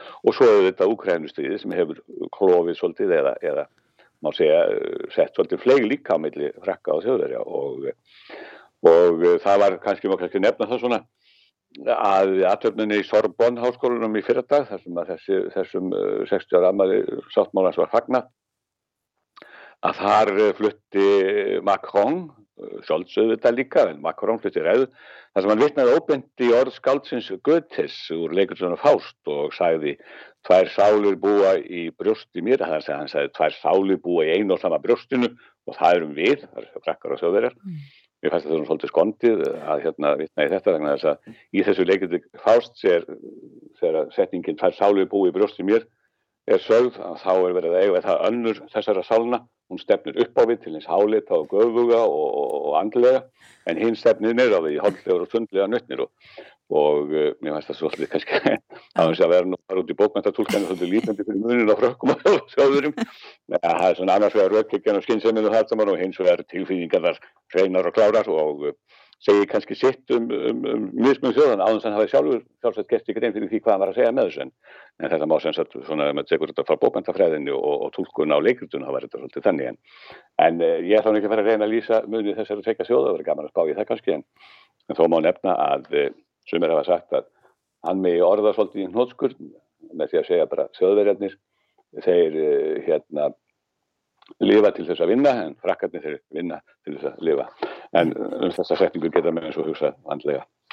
Já, einmitt. En já, og þessum hef, þessu samstarfi og þessari viðnottu uh, fagnað í París um helgina og uh, það eru auðvitað alls konar dæmi um samstarf ekki bara þessara ríkistjórna eða, eða stjórnvalda heldur svona viðnottu og samstarf uh, ja, bara menningalegt til dæmis og, og fleira. Það er auðvitað þó að þjóðurnar séu ólíkar þá er það líka ímislegt sameinlegt um, og við ætlum að ljúka spjallin okkar í dag á því að heyra fransk lag um Þískalandir það ekki? Hvað ætlum við að hlusta á? Þetta er uh, söngkonan Patricia Kaas sem að er hálf þísk, mamman var þísk og pappin var frekki, hún er ættu frá Sarlandi sem hefur alltaf verið á landamörum Þískalands og Freklands og er enn og hefur stundu verið tilhöndu Frekland og stundu Þískalands og hún syngur í þessu lægi sem við ætlum að hefða Alemania um Þískaland uh, og hún er mjög verður fulltrúi begja þjóðan og hefur fengið margvísleg verðlun og viðurkenninga fyrir að stöðla með sínum söng að samskiptum og menningali og svona nánari tengslun þjóðanna og hún syngur þarna um Þískaland Eh, sem hún ólst að hluta til uppi og eh, þar sem hún átt lendi í miklum áttarafintyrum og egnaðist blóm í hjarta eins og hún segir en þetta er sem sagt söngur fransk-þískarar konu um vináttu þjóðanam á segja. Takk fyrir í dag Artur Björgum Bóllarsson. Takk sem leðis.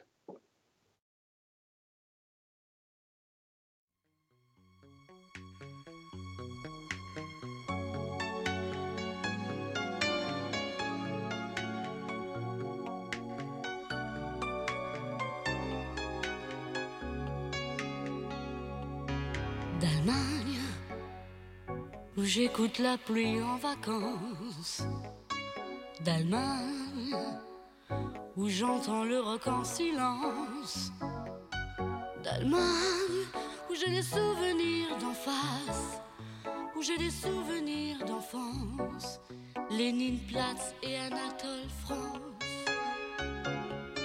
D'Allemagne, l'histoire passée est une injure. D'Allemagne, l'avenir est une aventure. D'Allemagne, je connais les sens interdits. Je sais où dorment les fusils. Je sais où s'arrête l'indulgence. Auf Wiedersehen,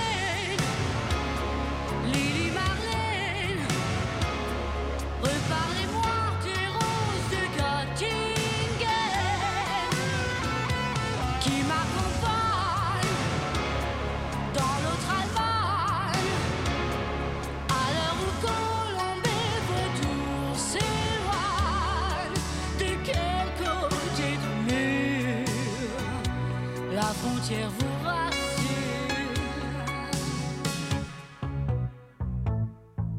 D'Allemagne, j'ai des histoires d'amour sincère.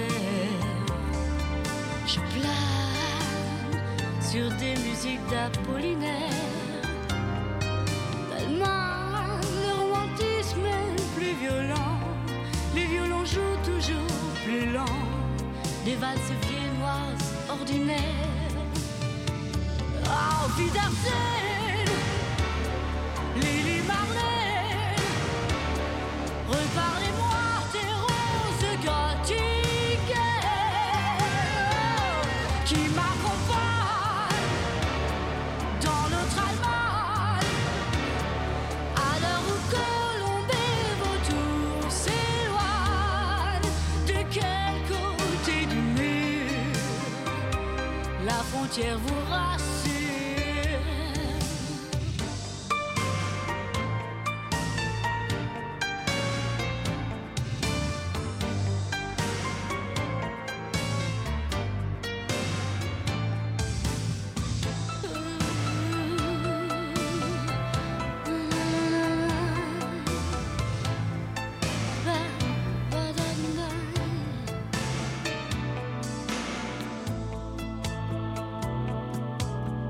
habe eine kleine Wildblume, eine Flamme, die zwischen den Wolken blüht. D'Allemagne, j'ai une petite fleur dans le cœur, qui est comme l'idée du bonheur, qui va grandir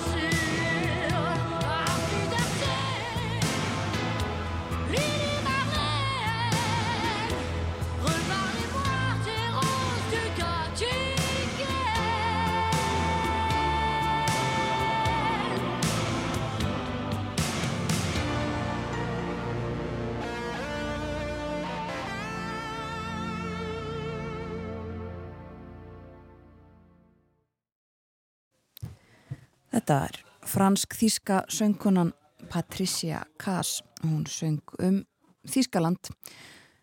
Þetta var í kjölfar spjallsokkar við Artur Björgum Bollason. Við rættum um samskipti Þískalands og Fraklands. Því var fagnað í París um helgina að 60 ári eru frá því að skrifa var undir Elysée samkómulægið de Gaulle og Adenauer sem að skrifa undir það fyrir 60 árum síðan innsikluðu þar upphaf nýs samstarfs og vináttu ríkjana tvekja. Það sem oft hefur auðvitað verið grund á því góða og uh, Artur Björgun sagði okkur líka frá stóramálinu í Þískalandi og víðar þessa dagana þetta skriðdregamál. Hvaða skriðdrega á og má senda til Úkrænu? Sjólds Þískalandskanslari verið gaggrindur töluvert í þeim málum og engin veit hvað hann er að hugsa hvað hann ætlar að gera en uh, við leipum fréttastofun að yfirleitt morgun frétta eftir fjóra mínútur og svo snúum við aftur og þá ætlum við að tala um bækur.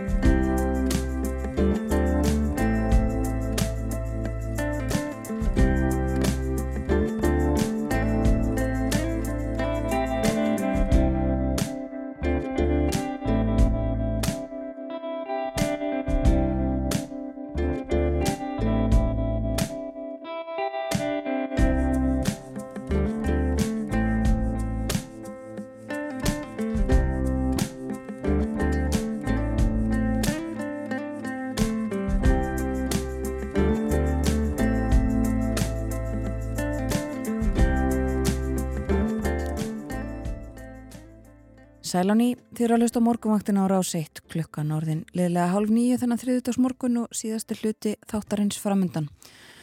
Skulum örsnögt líta til veðurs.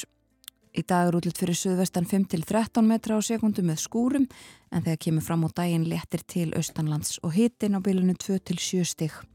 Í kvöld og í nótt snýst í norðvestan 10-18 metra á sekundu með slittujeljum eða jeljum, engum á vestan og norðanverðurlandinu og það kólnar í veðri með norðanáttinni. Á morgunlægir byrtir upp við á vægt frostverður. Það letir fyrst til vestan á sunnalands í fyrramálið og síðdegis um landið norðaustanvert. En strax annað kvöld er vaksandi sunnanvindur í kortonum og það má búast við hlýjendum og regningu á fymtudag. Og svo er útlitt fyrir áframhaldandi umhleipingar út vikuna. Svona er spáinn fyrir næstu daga og Við rættum hér áðan við Artur Björgum Bodlasson um þýsk málefni og fyrir í morgun voru ímis efnahagsmál á dagskráni en nú eins og við höfum bóðað þá er það bækur. Já, Íslensku bókmyndavælunin verða aðfendi kvöld við hátilega aðtöfna á bestastöðum og það er fósettinn Guðinu T.H. Jóhannesson sem veitir verðlunin, þau eru veit núna í 30. og 4. sinn og af þessu tilefni er komin til okkar formaður félags íslenskra bókaútgefenda Heiðar Ingi Svansson. Góðan dag. Já, góðan dag, góðan sæl. Þetta er hátíðisdagur, er það ekki í bókabransanum? Jú, þetta er, hérna, þetta er mjög skemmtilegu dagur og hérna, mikil eftirvæntinga auðvitað hjá, hjá, hjá öllum sem fylgjast með, með bókum og bókútgáðu eh, hérna, að fylgjast með og, og velunin í beitn útsendingu á, hérna, á, á þessu útvarpi hér Sjónarspjallar landsmanna Já, um kvöld. Akkurat og uh, það er alveg til breyting uh, frá því sem að verið hefur. Já. þau hafa nú þróast þessi verðlun uh, byrjaði bara uh, ein, með einum flokki eða mann rétt. Og uh, nú eru þeir orðin fjórir uh, sérstakur glæpaverðluna flokkur Já, eða, eða reyndar er það nú þannig að glæpa svona verðlunin blóðdrópin við, við hérna eru í raun og veru afhengt á sama tíma, þau eru ekki hluti í raun og veru af íslensku bókmynduverðlunum en, en, en, en afhengt samliða og þau eru, íslensku bókmynduverðin eru alfarið og hafa alfarið verið hérna rekin og, og, og hérna ábyrð okkar hjá, hjá félagislenska bókmynda Blóðdrópin aftur á móti hefur verið, ég held að hann hafi nú verið afhendur af henni íslenska glæpafélagi síðan 2007 þannig að við gerðum sem samstarfsamning við, við íslenska glæpafélagið um að sjá um framkvæmdina á þessum velunum í samstarfi þá og það sem kannski skiptir máli í því og skiptir máli að Íslenska glæpafélag er aðeins sem velunum að, að svo bók sem að, sem að vinnur þessi, þessi velun, hérna, blóðdrópin, hún verður uh, sjálfkrafa kemur til greina í, í, í, og verður tilnum til hérna norrennu glæpasarna veluna Glerlíkilsins. Og það kemur til í gegnum samstarf hérna í Íslenska glæpafélags hérna við glæpafélag á Norrlandunum þannig, þannig, þannig að hérna Þannig að þessi velin hafa verið til, þau, þau hafa verið svolítið öðru, öðru fyrirkomlag á þeim en núna hérna, eru við að, hérna, framkvæmdra aðalega þessu velunum að samstarfi við Kleiparsannafélagið og svo er líka munum sá að sá sem vinnur Kleiparsannafélagin fær eina miljón í velunafér sem er sama upphæð og, og, og fyrir íslensku bókmyndavölun Glæpasögur hafa ekki uh, hloti náð fyrir augun domnendana hjá íslensku bókmyndavölun Nei, það er nú kannski þess vegna sem við ákvaðum að gera þeim svona herrindur höfði og, og setja þau svona blóturabana á svona sama stall og hinn velunin og, og það hefur náttúrulega það sem líka fyrir tölfræði út þetta því hvernig glæpasögum hefur gengið í, í, í, hérna, í Íslengu bókunduvelunum Sæljast alltaf best? Já, það, það er nú svolítið merkilegt og merkilegt er undar bara við bækur almennt þessi bæði auðvitað hérna, þessi oft ótíma bara spá um dauðabókarinnar og síðan líka dauða ákveðna tegundabóka. Og ég, það er ekkert mjög svo langt síðan að tala þessi, þessi þessi, þessi hérna þessi hérna þessar glæpasjóður myndu að eiga einhvern líftíma og þær myndu einhvern veginn bara feita út og það kom einhvern lægð í sölu þeirra þá mann var verið að spá dauða þeirra en, en það líður bara góðu lífi ennþá en það speikla þær nú oft bara samtíman á, á, á, á hverjum tíma. Þannig, þannig, að, þannig að, að hérna, þær eru alls ekkert á undanhaldi en það sem er nú skemmtilegt við þetta ef maður auðvitað skoðar hérna skoðar meðsöllist á fylgist með því að, að það er náttúrulega bara glæpasugur sem að, sem að hérna, einunga þá þó þó vissulega marga sig náttúrulega fyrirferðar miklar en það hafa það svolítið, eins og ég segi, svona almenna og breyða skískotun en sem betur fer er það nú þannig líka að, og það er nú kannski svona við bókútgáð það sem er skemmtilegt að það er alveg sama hvað maður hefur starfað lengi en ég að telur sér vita mikið að oft veit maður ekki neitt. Vegna þess að það er alltaf eitthvað sem kemur óvart. Já, já. Aðeins um uh, verðlunin fyrst veitt 1989 og mm. þá hlaut þau Stefán Hörður Grímsson. Já. og þá var bara eitt flokkur og svo komið fræðritinn og svo laungu setna komið barnabækur. Já. 2013 held ég. 12-13 eitthvað svo leiðis og uh, svo eru glæpasafna verðlunin þarna með. En uh, þær breytinga voru gerðar fyrir fáinum árum að, að uh, valiði domnemdir fram og fer núna fram með öðrum hættin áður. Segð okkur aðeins frá það Já, við ákvaðum það að, að það væri svona Þetta nú, getur oft verið snúið sérstaklega í litlu landi að hérna, velja domnundafólk af því að það þurfa náttúrulega að vera, þeir geta ekki verið tengdir, til dæmis geta ekki verið tengdir, með ekki verið tengdir ákveðnum höfundur sem eru tilnæmdir, þeir geta ekki verið tengdir útgáðum heldur og, og, og, og það er svona, það var svona ákveðið svona fyrirkólan sem hafi týðkast á, á valið domnunda sem var kannski ekki nógu gegnsætt heldur og að leita að fólki bara hreinlega hérna, og það var auðvitað gert með ákveðnum hætti og, og, og, og hérna en það kom upp hugmynd ég held að það sé þriðja ári núna það sem var bara hérna, og auðvitað hafðu við líka fengið ábyrtingar sko, og einhverjir sendt okkur bregð og sagt að þeir kemur, þú veist, hvort þeir getur komið til greina þannig að við ákomum bara auglýsa. og það fór, hefur algjörlega farið fram á okkur björnustu vonum, það bara hrúast í þar mörg hundru umsóknir sem við fáum á hverju ári fyrir alla tónlendunar og svo er ákveðin, ákveðin, ákveðin hérna, ferli sem fer að stað hjá stjórn félagsbókugenda, þetta er 11 manna stjórn sem hefur síðan aðkomið að því að, að velja fólk hérna, í þessar tónlendir en síðan er það þannig að, að það getur engin útgefandi vitað hver er í tónlendinni, það er líka eitt sem við leggjum áherslu á sem því það að starfsmenn félagsins eru einir, ég hef ekki vittneski um það hverjir eru í domnundunum fyrir bara á kjærvalstöðum í fyrsta desember þegar tilkynnt er hverjir, hverjir, hverjir hluta tilmyngar, þá veit ég fyrst hverjir hafa verið valdir. Ég kannski hef upplýsingar um það hverjir, hverjir voru komið til greina en það náttúrulega var listi Þannig, þannig að það, og þetta hefur verið svolítið skemmtileg tenging, þú veist, líka að gefa fólki kosta því og, og það er nefnilega svo merkilegt við það að það er svo rosalega mikið af bóka, áhuga sem er bókafólki sem að, sem að, sem að bara kemur svona búið yfirborðið, fólk sem er búið að viðlesi, búið að lesa mikið og fylgjast með. Og, og, og þetta fólk á alveg núna mögulega á því að komast í, í tónundunar. Já, já mikil heiður auðvitað að hljóta bókmyndavælunin en... Uh, Líka mikil heiður að vera tilnæmdur. Ég ætlaði að, spyrja um það, skiptir já, það máli? Já, já, já, ég meina, núna er þetta, þetta eru 15 bækur sem eru tilnæmdur til Ísleiku bókmyndavælunin á ári hverju og svo bætast við núna 5 í blóðdrópan og það að fá tilnæmningu af allar þessu, allar þessu flóru bóka sem kemur út, það eitt og sér er, er, er, er hérna, eh, er bara auðvitað mjög, mjög góður árangur. Og það er fyrir mig persónlega er það eitt af því svona skemmtilegasta ennbætsverki sem ég geri það er á kjærvalstöðum að, að aðfenda viðurkenningarskali, maður sér það bara að fá viðurkenningarskali og komast í þennan hóp.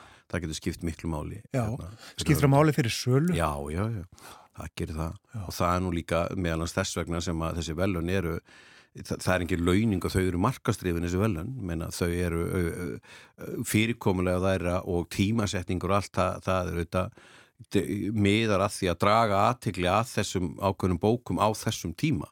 Það er ekkert launingamál sko. Nei. en síðan er náttúrulega alltaf í þessum velunum ákveðin íhaldsemi og þau hafa þróast nú frekkar hægt ef þú skoðar þessi, eins og þú varst að fara yfir þessa þróun yfir þetta tímambil en það er kannski líka svolítið getur mörgulíti styrkleikið þeirra.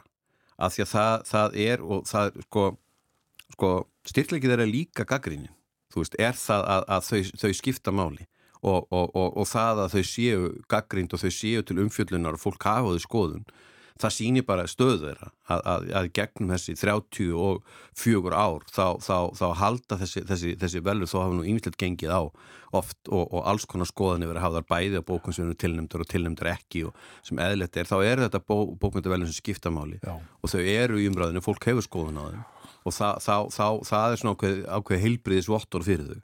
Það er ekkert auðvelt að bera saman mjög ólíka bækur og segja þessi er betri en hinn. Nei, þetta snýst náttúrulega bara um smekk þeirra í raun og veru og, og, og, og val þeirra sem eru í domnendunum á, á hverjum tíma. Mm. Það náttúrulega er, er þannig. Útgefundur setja núna vantarlega og ger upp síðasta ár sínist í bóksalan almennt hafa verið þokkalegi fyrir? Já, nú erum við ekkert komið svona að þeim, þeim tímpunkti þar sem að uh, janúar er ekki uppáhaldsmánur útgefanda það er nú alveg að segjast eins og þér þá eru þeir að taka á, á móti endursendingum og bóka sem þeir heldur eru búin að selja í jólinn og niðurstaðin í raun og veru kannski líka nú ekki alveg fyrir, fyrir núna en, en, en, en yfirleitt þarf nú að ganga frá og kreditera allt og, og, og loka öllu í janúar þess að loka varst tífumbilinu í, í desember.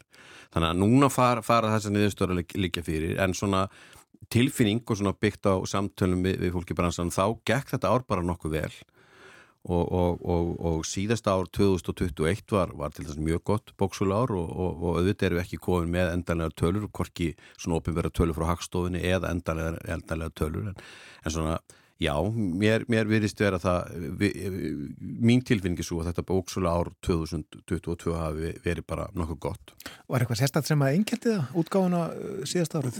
Svolítið fjölbreytt uh, útgáða fyrir jólinn og ég held að Salan hafi dreifst svolítið svona mikið, það, það, það var kannski ekki, ekki eins svona, e, það var kannski færri törnar kannski sem stóði yfir sem var kannski svona seldu mikið magn, ég held að hafi aðeins verið minna magn á bakvið seld endug á þessum, á þessum svona mestu metsulbókum og það hafi dreist við það en, en kannski það sem ég fannst vera var fjölbreytnin. Þa, það er ótrúlega gróska í, í útgáðu og ef maður skoðar líka, núna er líka svo gott að yldi verði gegnum nýjan eh, vef bókatíðindi.is við erum múin að rafvæða eða vefvæða bókatíðindi þá er náttúrulega gott að fylgjast með uh, útgáfinni þar. Og það er alveg merkilegt að, að, að ennþá einhvern veginn þrývast mjög fjölbreytt flóra að bóka. Og, og, og talandi til þessu ljóðabækur sem var nú líka búið að spá döða fyrir einhverju síðan. Ég veit ekki hvað kom út marga ljóðabækur í fyrra.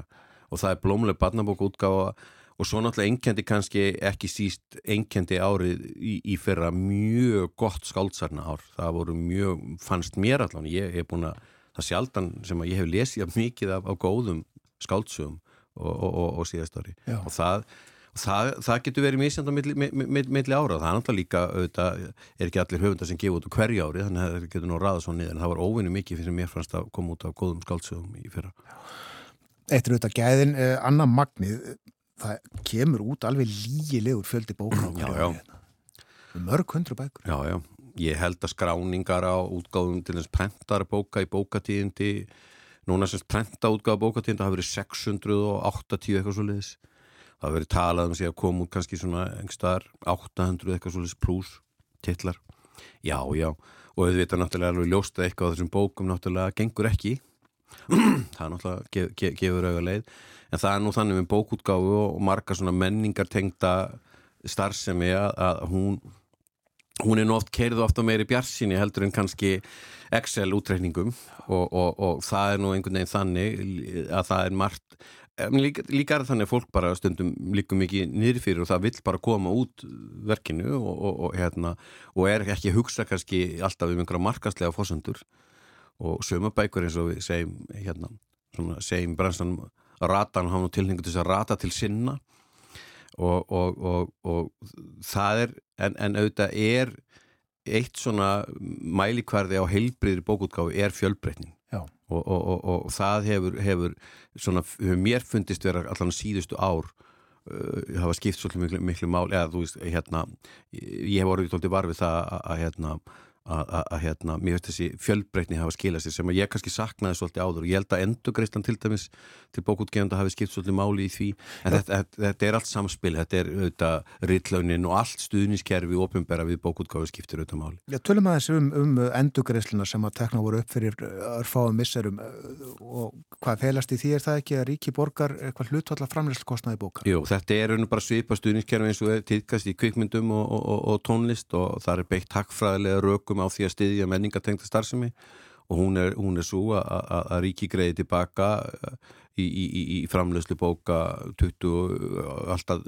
25% af kostnaði hérna á framlegslu bóka. Þannig að ef engin bók er gefin út af framleitt þá er þetta engin kostnaðar undir greitur en þetta er semst kvati efnaðslega kvati til þess að bæða styðja við og, og, og auðvitað styrkja og ebla þessa útgáfi en þegar endurgræslan þetta er sérst 5. árið ár sem hún, hún, er, hún er í gildi og þegar áður en hún kom sérst, tók fyrst gildi í 2018 þá þá vorum við að horfa á gríðarlega mikið samdrátt, við vorum að horfa á veldu samdrátt uh, sem að hafi verið ef ég mann rétt tíu árin þar og undan eitthvað um 40% og, og, og eh, endugreislan í raun og veru auðvitað í ímislegt aukinn hljóðbók útgáð og fleira hefur síðan stuðilega því að, að velta í þessari grein hefur vaksið stöðugt síðan, síðan, síðan 2018. Hvað er þetta miklu peninga? Martu það sem að Já sko, samkvæmt hagstofinni, það, það, er, það eru mælingar, það er svona atvinningarinn af flokkur uh, sem að, að hagstofan mælir kannski svona galli við það að við höfum ekki aðganga sunduliðin á þessum upplýsingum, við fáum bara samtölu sem hagstofan gefur út, þannig að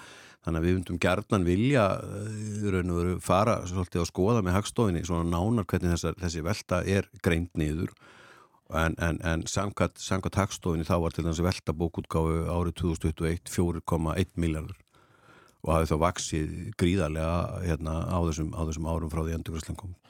Vanstu hvað endurgræslunar eru háar? Það eru innan rétt innan við 400 miljónur ári. Já og, og, og þær hafa rýtna það, það er hagræðinga krafið ríkinu um 2% niðurskurða ári um, í þessum, þessum flokki sem einhverju menningatengtir styrkir.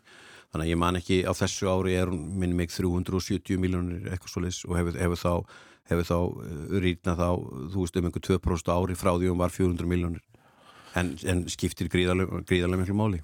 Þú nefndir hljóðbækurnar uh, hefur svo væðing uh, fælkað prentuðum eintökum? Það er náttúrulega alltaf eh, ekki gott kannski að hérna það er eitthvað svona mat sem að hverju kannski leggur fyrir sig, við höfum svo mikið inn á rannsóknir beint sem sína það. En, en, en jú, að einhverju leiti er, er, það þannig. En það er náttúrulega hefur hljópokútgáða þetta er náttúrulega bara þetta er náttúrulega stór merkilegt hún var varla til árið 2018 og og, og núna er Norðin bara mjög stór hluti af, af, af, af tekjumótel í bæð útgefunda og, og höfunda og það er auðvitað það er einhver kannibalismi svo kallaður í, í því helst gagvart kiljum líklega en svo er það líka þannig að hljópagútka hefur líka dreyið að nýja lesendur og, og, og, og hérna, fengja aðtikla bækur til annars hóps heldur en, heldur en, heldur en, heldur en áður að því að í raun og veru er hljóðbóka átgefundur eða eins og storytell lítur á til dæmis samkennsaðala sína ekki síst bara, þeir líta á í raun og veru bara þetta sem samkennum tíma og aðtikli neytenda og það getur þá alveg verið samkenni við Netflix eða, eða streymisveitur eða podcast eða jafnvel útvarp eða eitthvað, eitthvað annað. Og, og, og það er nú kannski líka sem að, að hljópa ekki gera ná til yngri hóps og, og, og hérna, en auðvitað er líka getur maður spurt sig að hvað hefði gerst ef hljópakur hefði ekki komið? Hefði, það er alltaf einhver þróun og við stöndum ákveðin tímum út í, í bótgáð, þetta er búið að vera búið að gerast mjög margt í þessari þróun á síðustu árum svona, svona tiltölega skart sem, að, sem við höfum ekki séð kannski mörg ára undan, eitthvað þróið svona skart og, og, og Kiljusala hefur klálega dreist, dreist saman en svo kemur til dæmis aðri hluti núna eftir, eftir að COVID í letti þá fór aftur að koma inn sala á, á bókun til erlendra ferðamanna og, og, og, og þannig að, að, að hérna en, en, en það eru auðvitað og það, það breytir alltaf mikil tekjumótelum uh, útgefenda og höfenda þessi aukna digital eða sem sala af digital réttindum af því, af því að það er auðvitað öðru það er bara saman sem gerist í tónlistinni á, á sínum tíma og gerist það, það, er, það er minna sala á digital eh, eða rafrænu efni er, er ódýrari veist, það kostar minna per eintakaldur um prentað og það er minna, minna til skiptana þannig að það hefur að sjálfsög áhrif Bókáttgáð er auðvitað mjög göfug starfsemi en uh, þetta er auðvitað viðskipti öðrum fræði. Uh, Nákvæmlega hér í blá lókin að verja nokkru mínutum í að tala um uh, útgáfu á íslenskum bókum í útlöndum. Já. Þegar fjölgarið það ekki alltaf tillunum og höfundunum? Jú, það, það er einmitt svolítið áhugavert að skoða þá. Ég held að það sé einmitt svona hluti sem við, sem við þurfum líka að fara að huga að núna. Að það, er, það er svona að, að leggja svolítið meiri áherslu á, á markasetningu, bóka, útgáð bóka elendis og, og, og það er orðið svolítið síðan við fórum, við fórum nú síðast í svona mjög stórt áttak í kringum þáttöku í bókasýningunni Frankúrt eh, 2011 og, og það er held ég komið svona aftur svona tækjverð til þess að fara, fara að ebla það. En, en það er alveg merkilegt auðvitað hvað íslenskir höfundar, hérna margi hverjir hafa náðgóðum árangri. Og það er ekki bara glæparsarna höfundar og, og, og hvað íslenska bækur hérna, hafa, hafa svona náð. Og íslenskir höfundar líka þegar maður fer elendis eru mikla stjörnur í raun og veru svona rockstjörnur á mörgum, mörgum, mörgum, mörgum mörgum hérna, hérna, hérna elendis og það er, er komin tími á, á það að mínu viti að styrkja aðeins betur grunn og og, og það er mjög margt gott sem er gert uh, en, en, en, en við til dæmis uh, það er ekki til dæmis vantar okkur vantar kannski meiri ansið upplýsingar um sölu og árangur á, á þessum mörgum og svona kortlagningu á þessu. Þessar upplýsingar eru er fyrir það vantar kannski bara svona aðeins, aðeins, aðeins fókus á þetta En, en, en ég held að það skipti mjög miklu máli bæði fyrir Íslands samfélag bara almennt að því að íslenska bækur eh, hafa líka áhrif á, á, á, á íslenska ferðarþjónustu og áhuga á fólks á landi og þjóð, alveg svo tónlistamenn og, og kvikmyndir og, og við, e, það, það er miklu dauðafæri núna held ég við það að ebla landkynningu og styrkja betur stóðir bókútgáfu hérna á þýðingar á íslensku bókumælendis. Gera þetta bara útflutningsgrein? Já, algjörlega. Hún er það náttúrulega ákveðinu leiti en, en, en góð grunnur sem, a, sem a er full ástæða til þess að byggja frekar undir. Takk að kellaði fyrir komin að henga á morgunvaktina Heiðar Ingi Svansson Takk svo með leiðis Félags Íslenskra bókáðgenda Góða skemmtun á bestastuðum í kvöld. Já, takk að kellaði fyrir, takk fyrir mig. Bókmyndavelun Íslensku að fend þá. Og þetta var síðasta efnið á dagskrá morgunvaktarinnar þennan morgunin Já, við höfum rætt ímislegt eh, töluðum snemmi morgun við Þorsna Júliusson Rittstjóra heimildarinnar töluðum um stöðkrónunar og ímislegt eh, fleira uppsagnir hjá alþjóðlegum stórfyrirtækjum meðal þess sem var á dagskráni. Artur Björgum Bodlason var líka með okkur eins og venjulega á þriðutarsmórnum. Við rættum um þessi skreiðdregamál sem að, uh, við heyrum kannski enþá meira af í frettunum núna klukka nýju og um samskipti Þískalands og Fraklands og núna síðast uh, Íslensku bókmyndaölunin og, og bókmyndir almennt á Íslandi. Heiðar Ingi Svansson var gestur okkar og uh, Íslensku bókmyndaölunin verða aðfend í kvöld. Við hátilega aðtöfn uh, að bestastöðum og þessu verður sjónvarpað líka. En þessu lokið hjá okkur í dag. Við verðum hér aftur í fyrramálið á okkar tíma, bjóðum góðan dag þegar klukkuna vanda tíu myndir í sjö, alla verka daga. Þakkum safildin að þennan morgunin njóti dagsins. Verðið sæl